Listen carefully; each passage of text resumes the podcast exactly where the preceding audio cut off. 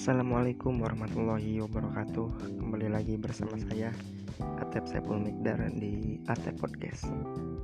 Baik teman-teman semua para pendengar podcast setia Pada episode pertama ini Saya akan menjawab pertanyaan Bagaimana seorang muslim menilai parameter Bahwa praktik jual beli yang telah dilakukan sesuai syariah dan ketentuan fatwa terkait Menurut Fakar Fikih Muamalah Dr. Oni Sahroni, anggota Dewan Syariah Nasional Majelis Ulama Indonesia, ada tiga parameter yang digunakan untuk menentukan satu kebijakan atau produk ekonomi syariah itu sesuai atau comply dengan syariah. Yang pertama, terbebas dari transaksi yang dilarang.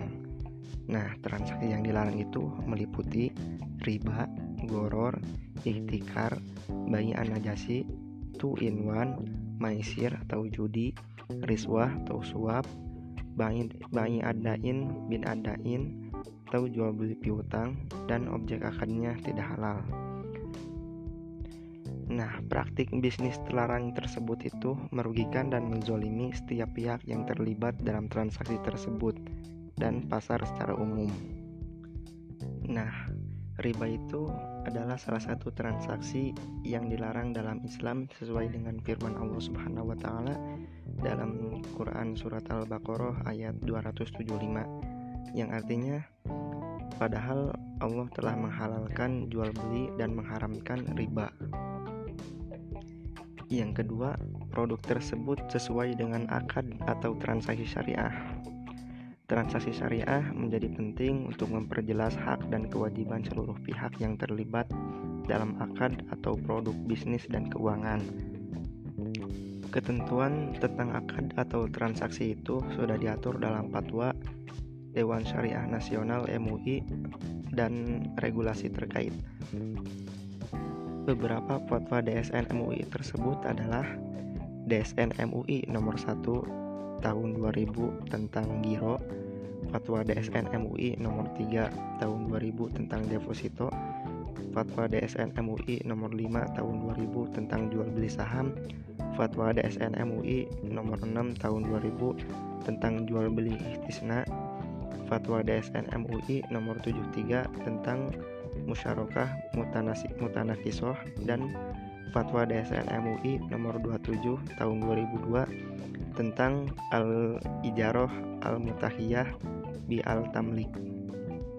Jika sub jika substansi suatu produk adalah jual beli jasa atau manfaat, maka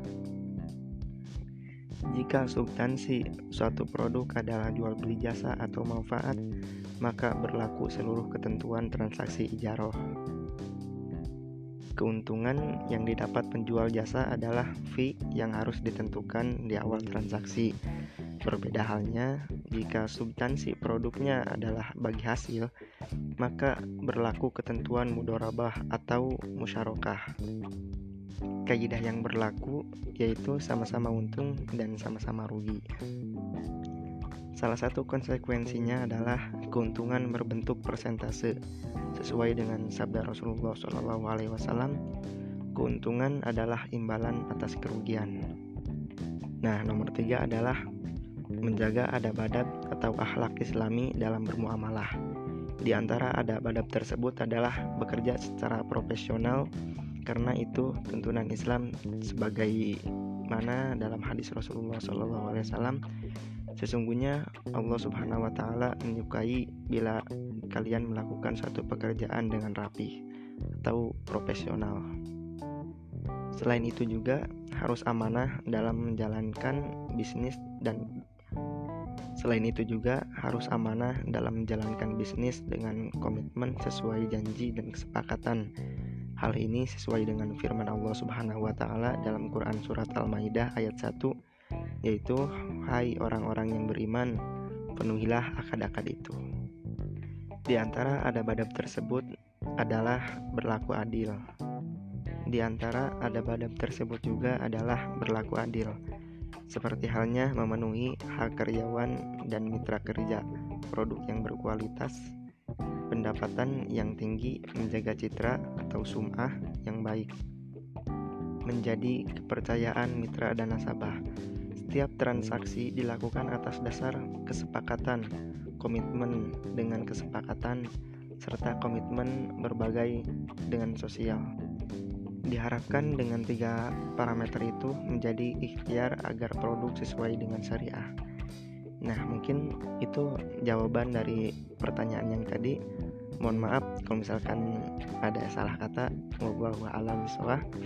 Mungkin sampai jumpa di episode selanjutnya. Salam Sunda, Sampurasun.